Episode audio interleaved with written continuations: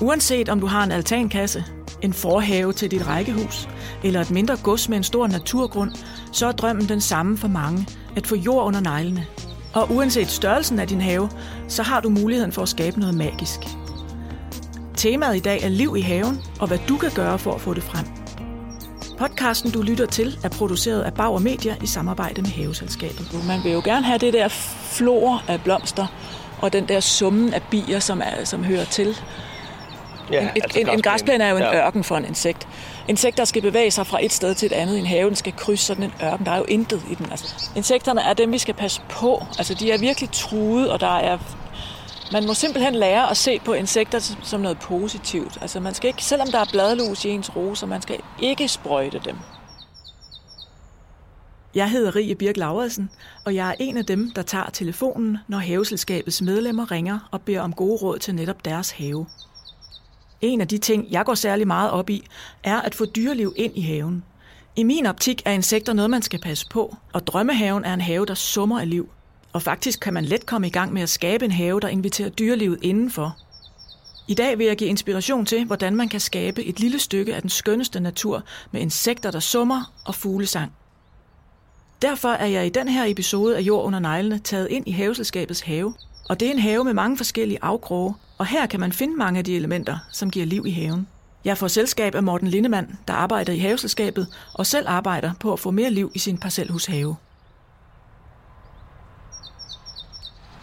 Jeg er gået ind i haveselskabets have i dag, og jeg har taget Morten med. Ja, hej. Hej, fordi at øh, vi skal snakke lidt om øh, dyreliv i haven.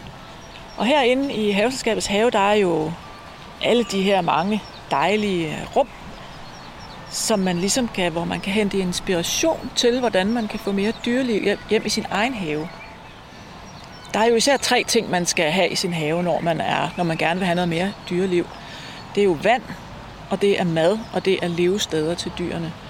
Vi står her ved, ved øh, den øh, skovsøen her i Haveselskabets have. Det er sådan en ret stor sø.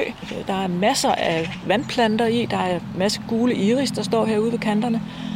Der er åkander, der er ved at komme frem ude på midten af søen. Der er nogle gule engkappelejer, der, der er ved at blomstre. Der står en kæmpe stor sumpcypres med nogle, man har sådan nogle store knortede rødder og luft, øh, hvad hedder de der øh, luftrødder der, den sender ud i vandet, øh, hvor jeg fik at vide før, at, at vandsalamanderen, den bor inde imellem de der luftrødder. Oh, okay. Den gemmer sig derinde om vinteren, det er fantastisk. Øh, der er sådan lidt, lidt skov, lidt, lidt høje træer omkring, der er lidt, lidt sol og lidt skygge, der er sådan lidt flimrende skygge hernede over. Der er, Der er meget, der er meget fredfyldt her, også i betragtning af, at vi er inde midt i byen, Ja. og man sådan lige kan ane trafikken lidt i, i baggrunden, men alligevel så, så Ja. der, man falder virkelig til ro her, også bare ved at stå og kigge på det der helt stille vand. Og jeg er jo lidt nysgerrig på det, fordi jeg, øh, jeg er jo din kollega inden for haveselskabet, men jeg har jo også selv en have, og har ikke måske haft så meget fokus på det der med, med dyrelivet. Øhm, og det kunne jeg godt tænke mig at, at blive lidt klogere på. Og jeg har jo i hvert fald ikke noget, jeg har ikke nogen sø i hvert fald, men jeg har heller ikke noget vand sådan i det hele taget. Og det, øhm, det har jeg sådan en plan om, det vil jeg godt have. Ja, Jamen, vand er også en af de øh, vigtigste elementer simpelthen, hvis man vil have noget dyreliv. Det er jo sådan, at hvis man øh, laver en lille sø hjemme i sin have, på en eller anden måde får noget vand ind, man vil jo næsten med det samme kunne se, at der vil, øh, der, at der vil svire af insekter omkring den. Og, altså det er virkelig noget, der skaber dyreliv lige med det samme. Så selvom man ikke har plads til en stor sø, så kan man sagtens øh, starte med at sætte et lille fuglebad op, for eksempel. Allerede der vil man se, at der kommer insekter for at drikke så kan man, hvis man bliver glad for at have vand i haven, så kan man lave en lidt større sø. Man kan købe sådan for eksempel sådan en murbalje, sådan en 80 liters murbalje op i Harald Nyborg. Koster ikke ret meget. Man graver et hul for overfladen på den her spand ned i niveau med jordoverfladen. Så kan man putte nogle sten i, for ligesom at der at, altså, så de de ligesom kan kravle op af, hvis de falder ned, hvis der er nogle, kommer nogle insekter kravlende, de ligesom falder ned, så kan de kravle op igen. Ja. Og så kan man sætte en vandplante. Fyld op med vand, pling, så har du en, en lille sø i din have, som vil fungere fint, og den vil tiltrække utrolig mange dyr. Okay. Både insekter og fugle, og hvis du er heldig, så kommer der jo også frøer og, og, og måske en vandsalamander, hvis du er rigtig heldig. Ja, så det vil sige, at man skal tænke lidt over, at der både er et sted, hvor vandet godt må være lidt dybt, men også et område, hvor det er helt lavt. Ja, fordi at, øh, altså, der, så dyrene kan komme til vandet. Er det sådan? Ja, man skal ikke have de der stejle kanter, hvor dyrene ikke kan komme op. Man skal forestille sig, at man er en lille larve, som øh, er nede i vandet, og som skal, skal bare ligesom kunne komme op. Mm. Kan man sige det? Kan du forestille dig det? Jeg kan ikke forestille mig, at jeg er en lille larve, men... Øh, Nej, men jeg tænker også på sådan noget som pindsvin og fugle og sådan noget. De, de skal vel også kunne, øh, altså, kunne, kunne stå øh, ligesom på noget lavt vand. Ja. Og, og, ja. Ja, så sådan at hvis man kan øh, indrette en lille sø på en måde, hvor der er lidt et lavt vand, måske bare et par centimeter dybt, så vil fuglene jo komme der og bade. Og, og plasker, det er jo en fornøjelse at se både om morgenen og om aftenen, hvordan de kommer der og bader. Øh, så man kan også sige, jo flere forskellige dybder man kan lave i sin sø, jo flere forskellige dyr kan man ligesom servicere eller tiltrække. Men hvorfor skal man egentlig gøre sig alle de der overvejelser og ulejlige sig med at tænke på dyrelivet i sin have? Hvorfor vil man i virkeligheden gerne have alt det der krible-krable og smådyr ind i sin have?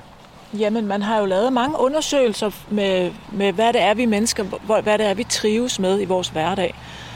Og man har jo, har jo undersøgt for eksempel, at folk med stress, at hvis man sætter dem til at gå en tur på 20 minutter hver dag, så er der forskel på, om man sætter dem til at gå et sted, hvor der er beton og asfalt og fliser, eller man sætter dem til at gå en tur i en skov, hvor der er jordstier og fuglestemmer og øh, flimrende skygge og, og, og, og lyde fra, fra skoven, blader, der bevæger sig.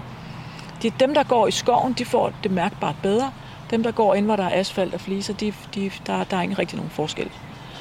Okay, ja. øh, og jeg tror, det, det vi oplever, når vi ligesom trækker, når vi kommer ud i naturen, enten om vi går ud i naturen og går en tur derud, eller om vi trækker naturen ind i vores haver og opholder sig i, vores, i haverne. Men det er jo det, man får jo de der bitte små oplevelser, som, som bare hører til i naturen. Man ser nogle fugle, som man ikke er vant til at se. Man ser nogle insekter, man, man undres. Man, man ligesom går ud i haven, og man ved ikke, hvad det er, man kommer til at opleve derude. Man kan jo ikke planlægge, at nu vil jeg, nu vil jeg se en bogfinke, for eksempel. Det, det er ligesom de her hvad skal man sige, uforudsete oplevelser, som man får. Jeg tror, det er det, man, man, man gerne man, man, man ligesom lærer at slappe af med.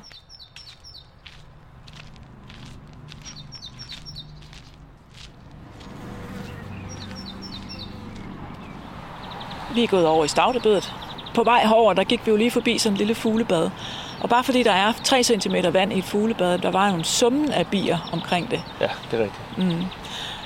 Men nu er vi gået herover i Stavtebedet. Øh, og det er jo her, man kan producere pollen og nektar, eller det er jo her, der er mad til alle de her dyr. Og det er jo ikke ligegyldigt, hvad det er, man planter i sådan en stavtebed. Øhm. Nej, hvad er det, man skal tænke på, øhm, hvis man gerne vil have insekterne til at, at elske det, ligesom i en stavtebed? Ja, men det er, jo, det er jo først og fremmest i hvert fald, at man skal have noget, man skal jo have mad både på, på hele sommeren igennem, helt fra det helt tidlige forår, hvor de her humlebidronninger, de kommer op, de har jo overvintret et eller andet sted, og kommer ud og er mega sultne, og de kommer ud som noget af det allerførste, så skal de ud og finde pollen og nektar, så de kan spise sig mæt, og så de kan gå i gang med, at de skal jo skabe en hel rede øh, for de her. De skal skabe et bo simpelthen.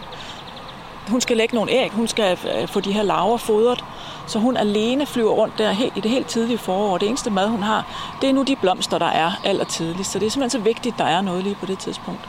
En lille forhat plante som vorterod, den er jo virkelig, virkelig god. Den strutter jo af både pollen og nektar. Den står der i det helt tidlige forår og, og er gul og meget tydelig. Og mange folk er sure på den, og, og tænker straks, uha, jeg skal ud og luge, jeg må den er også have den væk. ret irriterende at have i sin græsplæne, faktisk. Så vil jeg, jeg har lyst til at spørge det? dig, hvorfor?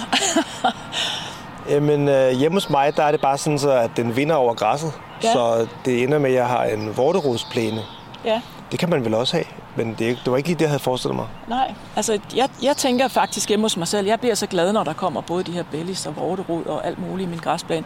Fordi jeg synes jo ikke, græsset har jo ikke nogen funktion i sig selv. Der er jo ikke noget pollen og nektar i græs. Altså det er jo bare, hvis man gerne vil have en plæne, så kan man jo bare slå det, så det bliver kort. Altså, mm. så, så har man en plæne, og det er så vorterod, eller er det bellis, eller hvad er det? Det er jo Insekterne vil hellere have vorteroden. ja.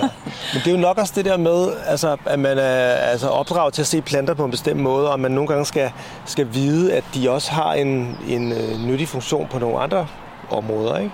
Fordi at, Ja, øh, hvis det man glemmer ser, man hvis man på. ser vorteroden på den måde, altså for eksempel vorteroden på, på den måde, som du siger der, så kunne jeg godt forestille mig, at man øh, ville komme til at nærmest at elske den, eller i hvert fald tænke, okay, den, den må godt være der.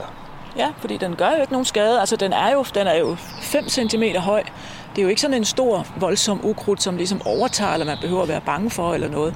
Det er rigtigt, den breder sig, og den er mange steder, men til gengæld så er den der jo kun lige det allertidligste forår. Den forsvinder jo væk af sig selv i løbet af sommeren, og man, man, lige så snart stavterne vokser op og vokser hen over den, så ser man den jo ikke mere. Altså, mm. Så man synes ikke, man skal være så bange for de der ting, der kommer og, og er i plænen. Jeg synes, man skal se det som sådan en berigelse på en måde. Mm. Øh, man vil jo gerne have det der flor af blomster, og den der summen af bier, som, er, som hører til. Ja, En, et, en, en græsplæne er jo en ja. ørken for en insekt. Insekter skal bevæge sig fra et sted til et andet i en have. Den skal krydse sådan en ørken. Der er jo intet i den. Altså, der er jo... Det er en ørken. Ja. Så man skal satse på at have noget i sin stavtebed, for eksempel, som øh, blomstrer på, ja, blomstrer hele sæsonen i virkeligheden. Ja, det synes jeg. Altså, især i det tidlige forår, hvor der jo ikke er så meget. Og så igen i det sene efterår, hvor der jo heller ikke er så meget. Der er det også vigtigt at tænke på, at man skal have de der planter. Det er jo sådan en plante som øh, slyngplanten efeu. Hvis den får lov til bare et sted i haven og komme op og blomstre, den, det er jo den aller sidste, der står med fuld af pollen og nektar. Øh, helt hen i oktober-november måned, der, og den, man vil jo se, de, det, sådan en blomstrende efeu, den vil jo summe af liv. Det, insekterne skal lige have det sidste med, inden de skal i vinterhi. En anden ting, der er vigtigt, når man har stavtebede, eller når man skal plante et stavtebede, det er, at man skal, man skal tænke på, at det skal være blomster, der har pollen og nektar i sig. Men Man kan jo få de her store, meget forædlede peoner for eksempel, og roser, øh, meget forædlede roser, der er helt fyldte, hvor der ikke er noget øh, støvdrager tilbage ind i blomsterne. De er jo, det er jo Så hvad vil det forædlet væk. sige, at, de, ligesom, at blomsten er sådan lidt lukket i det? Altså når man forædler en rose for eksempel, mm. fra at være, at de naturlige, de gammeldags naturlige roser, de har jo fem kronblade rundt, og så en masse støvdrager inde i midten. Og de er Og- åbne. De er åbne, Okay, og ja. du kan se alle støvdragerne. Du kan se det gule pollen ligesom øh, komme frem. Øhm, men når man så begynder at forædle på dem, så omdanner man de her støvdrager til kronblade. Så i stedet for fem kronblade, så har man måske 200 kronblade og ingen støvdrager. Og, og så der, der er mange, der godt kan lide de der gamle engelske, helt lukkede, super flotte roser. Og det er også godt, men der er bare ingen mad overhovedet for insekterne. De flyver hen, ser en blomst, siger, åh, oh, der er en blomst der, der måske er fuld af mad. Kommer der hen, og der er bare intet. Så hvis man gerne vil gøre det godt for bierne og alle de andre insekter, så skal man gå efter de åbne blomster, hvor man kan se støvdragerne, man kan se pollenkornene sidde. Og det, og så, så er det jo også samtidig, det er jo de vilde danske hjemmehørende arter, man skal gå efter. Og ikke så meget de der topforædlede, eksotiske, udenlandske ting. Okay, altså fordi dem kan øh, insekterne bedre lide, dem, de, de, de, de øh, hjemmehørende danske, eller hvad? Ja, altså de, øh, de hjemmehørende danske planter, det er jo dem, der, har, der er tilpasset det klima og tilpasset det dyreliv, vi har her.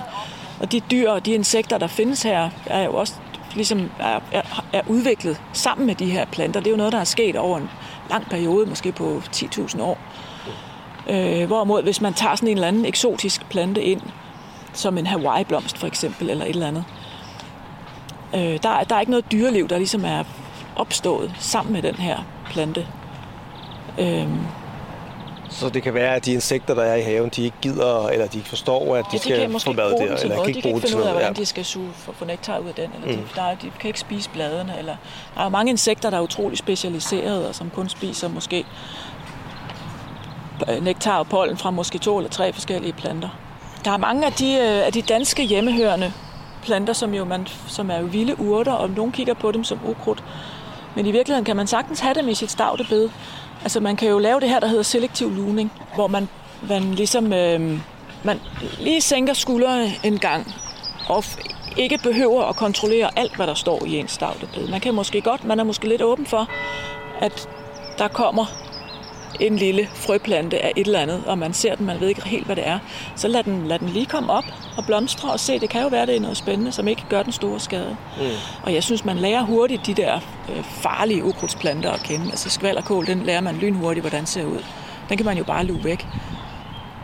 Og snærler lærer man også lynhurtigt, og, og der er måske nogle stavter, der breder sig meget eller et eller andet. Men med det, som man ikke ved, hvad er, der synes jeg da godt, man lige kan lade det stå, og så se, lade det komme op og blomstre, og se, det kan være, det er noget fint. Måske det er en lille hyrdetaske, måske det er en lille kodriver, man ved det ikke. Mm. Så det er noget med at kende nogle af de der mest irriterende ukrudt, og sætte yeah. dem på sådan en rød liste, hvor øh, de, de, de skal bare væk. Ja, øh, for eksempel skvallerkål, ikke? Ja. Men så lad noget andet af det stå. Ja, ja. Jeg, jeg havde jo engang sådan et uh, peonbed, hvor jeg havde uh, kun peoner, det var skideflot. Der stod de her kæmpe store, uh, kæmpe store røde blomster her. Øh, og så havde jeg så tilfældigt et fuglefodringsbræt, der sad lige ovenover, hvor jeg så havde åbenbart fodret med hørfrø. For pludselig var der fuld af bitte, bitte små planter nede imellem, og jeg vidste ikke rigtig, hvad det var. Jeg tænkte, hvad er det? Og så en dag, jeg kom ud, så blomstrede de bare alle sammen fuldstændig lyseblåt. Sådan en helt fuldstændig lyseblåt flor ud over det hele. Og det var ikke noget, jeg havde planlagt eller noget. Det var bare, kom bare af sig selv, og det så helt fantastisk Og det var sådan nogle hørplanter så? Det var de der hør, mm. hørfrø, der var spidet. Det så skide godt ud.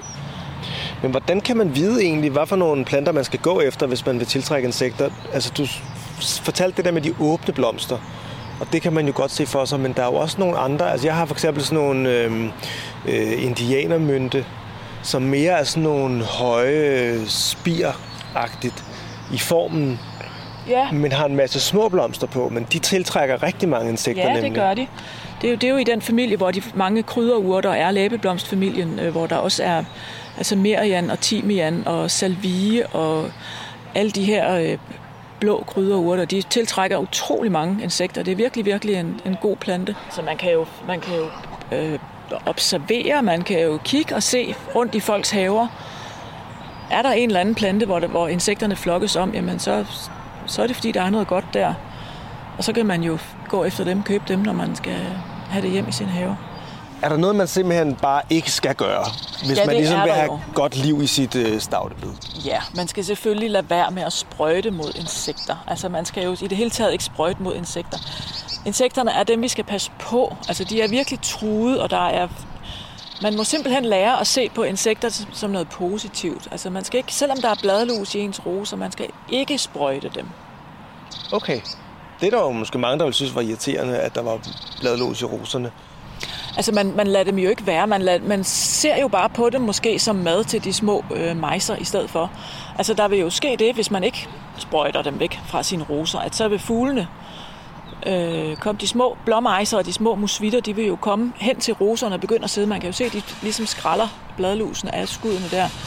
Og når man så tænker på, at en musvitfamilie med unger, de, de spiser, de skal have 5 kilo insekter for at, at få sådan 5 unger der på, Om hvad? Om året? om, på, på en sæson. På en ja. sæson? Okay.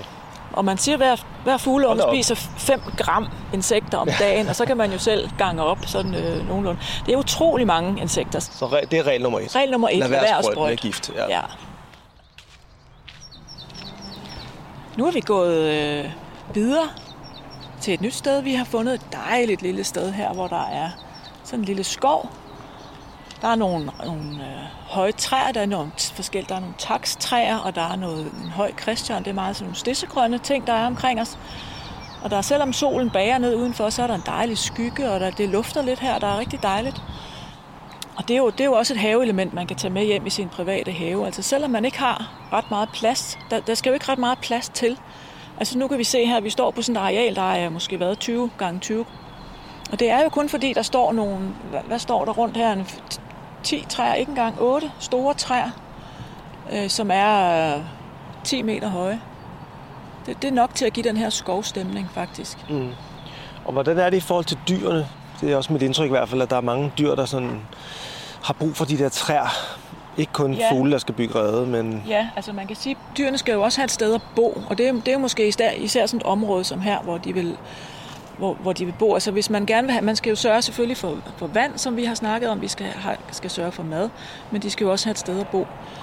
Øhm, og, og der er altså gamle træer, gammelt ved, er noget af det allermest vigtige for at få mange insekter i sin have. Jo ældre træerne er, jo, jo tykkere stammerne er, jo flere fuger og ravner og, og løs bark der er, jo nemmere er det for, for insekterne at komme ind og, og bo derinde, og gnave derinde og lægge æg og bore huller. Se, nu kommer æren igen oh, ja. Nej, hvor er. Så selvom man kun har en lille bitte have, kan man faktisk godt øh, lave sådan en skovstemning her.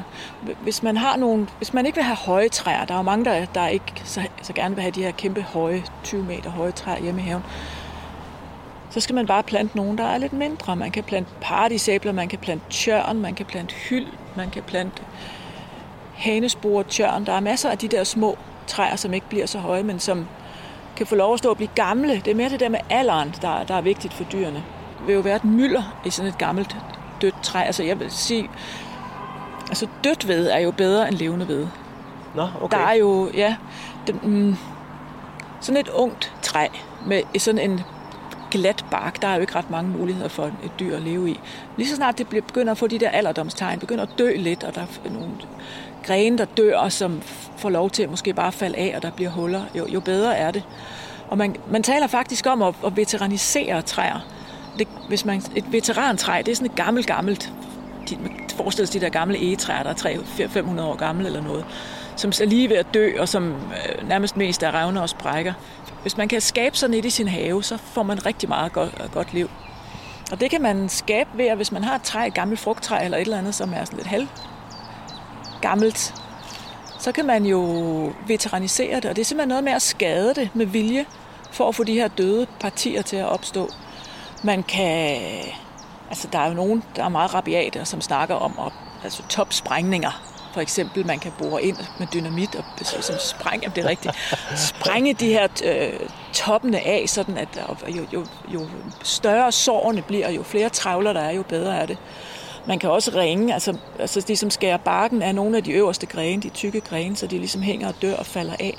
Og så bliver der jo netop de her huller og hulheder og muligheder for, at dyr kan flytte ind. Egerne skal bygge rede, ikke? Og uler sidder altid i sådan nogle gamle træer, som er hule indeni, og man ser de der uleunger, der sidder og kigger ud. Det vil da være fantastisk at have hjemme i sin egen have meget liv i haven. Det er sjovt, fordi det er jo sådan ret omvendt af, hvad man, hvad man normalt ja. tænker om sin have. Så tænker man, at man skal have alt til at gro, og man, man skal alt. passe på planterne, og man skal være forsigtig og alt muligt. Ja, ja det er lige præcis. Det, det, er jo, det, er, det er jo sådan lidt en anden måde at begynde at kigge på haven på. Ja. Fordi man har jo altid talt om, at man skal beskære æbletræerne, man skal lægge de der snit bedst muligt, så den hurtigt, de hurtigt gror sammen, og Ja. Hvordan bevarer vi det her træ ungt og flot øh, på, på den bedst mulige måde? Men det er i virkeligheden slet ikke det, man skal, hvis man vil have en, en have med meget dyreliv. Der skal man faktisk gå den modsatte vej. Men hvad hvis man ikke har sådan nogle store træer eller gamle træer i sin have? Så kan man selvfølgelig øh, plante nogle træer øh, og vente 400 år. Eller, men, øh, men, ja. hvad, men, men hvad kan man ellers gøre, altså hvis man vil lave et ja, eller andet? Man kan jo sagtens lægge, lægge noget dødt træ ind i haven. Altså man kan jo lave den her klassiske brændestabel, som jo man jo efterhånden kalder for et, et insekthotel, hvor man altså, har noget brænde, som man ikke har tænkt sig at brænde af, men bare sætter det op på en eller anden i et hjørne, hvor der ligesom er noget skygge og, og lidt fugtighed, hvor, hvor de her stammer kan ligge og forgå lige så stille. Så i det døde ved, der vil komme til at bo rigtig mange forskellige tusindben og skulderpendre og biller og bænkebider. Der vil være et mylder under sådan en brændestabel i de år, som det nu tager for den at blive nedbrudt. Det er, det er rigtig godt. Men man kan jo også plante træer. Altså, det er jo, det er jo godt, at, altså også for, for, for at få en pæn have. Altså man skal jo tænke i de her etager, hvor man ligesom har en, en underetage af, af planter, så, som er stavter eller, eller lave urter. Så en mellemetage, som er nogle buske af en slags. Og så en overetage med nogle trækroner. Ja, man skal måske lige tænke over det der med højden på træerne. Det, kan man, det skal man jo lige undersøge på forhånd, hvor høje de bliver hvis man for eksempel ja. har en lille have. Ja, man skal selvfølgelig ikke plante bøgetræer eller egetræer, som bliver 30 meter høje. Det skal man jo ikke. Man skal gå efter de lave træer til at starte med. Som for eksempel paradisæbler eller frugttræer. Frugttræer er altid godt til. Det skaber også et vældigt mylder af liv, fordi de jo blomstrer om foråret. Og så er der de her frugter, som de kan, både fuglene godt kan lide. Altså tjørn og hyld og, og blommetræer, kirsebærtræer, mirabeller, slåen, alle de der hasselnødder, alle de der ting, som, hvor der er frugter, der kan spises, er som regel godt for, for insektlivet og for dyrelivet, for fuglene. Og så kan man, så jeg lige, der, hang, der hænger også fuglekasser op i den her, i træ derovre hænger der en fuglekasse. Øh, det er jo også en rigtig, rigtig god idé, hvis man vil have noget dyreliv i haven. Få hængt nogle fuglekasser op. Der vil, de vil næsten altid blive beboet, enten af fugle, eller hvis man er rigtig heldig, så kan der flytte øh, humlebier ind. De mangler jo også de her hulheder, som de kan flytte ind i. Jeg er sikker på, at der er fugle i den kasse derovre. Nå, hvad så? Skal du hjem og have noget dyreliv i haven, Morten? Jamen, jeg synes egentlig, jeg har fået nogle gode øh, idéer. Altså, jeg er i hvert fald, i hvert fald blevet bestyrket helt klart i, at jeg godt vil have noget vand. Og den der idé med at have sådan en murbalje, man graver ned, det er jo ret nemt at gå til. Mm. Uden at jeg skal til at ligesom, ja. lægge det helt om. Øh, så det skal jeg. Og så øh, vil jeg måske se lidt mildere på det der meget store øh, træ, jeg har nede i baghaven, som giver en masse skygge, men som jo også jo gavner dyrelivet, har jeg jo forstået. Ja, for øh, Jeg vil nok ikke begynde at skade det med jernkæder eller øh, springe dynamit i det.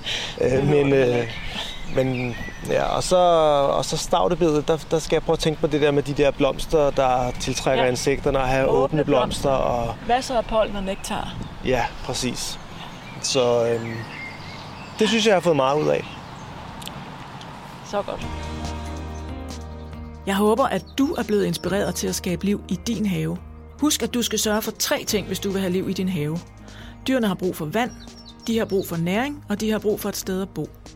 Sørg for, at du har planter, der blomstrer i både forår, sommer og efterår. Og husk, at de danske insekter er gladest for de danske hjemmehørende planter. Hvis du opdager nogle planter i din have, som du ikke selv har plantet, så lad være at fjerne det lige med det samme. Prøv at lade det stå og give det en chance. Og du behøver ikke nødvendigvis at fælde dine træer, bare fordi de er gamle og syge. Det er nemlig tit i de gamle og syge træer, at dyrene bor. Hvis du vil høre flere afsnit af Jord under neglene, så find dem på Radioplay eller i podcast-appen på din telefon. Du kan også finde dem på haveselskabet.dk. Gå der ind og søg på podcast, så kan du også læse artikler om podcastens emner. Og husk, du kan altid ringe ind og få gode råd, hvis du er medlem af haveselskabet. Måske er det mig, der tager telefonen.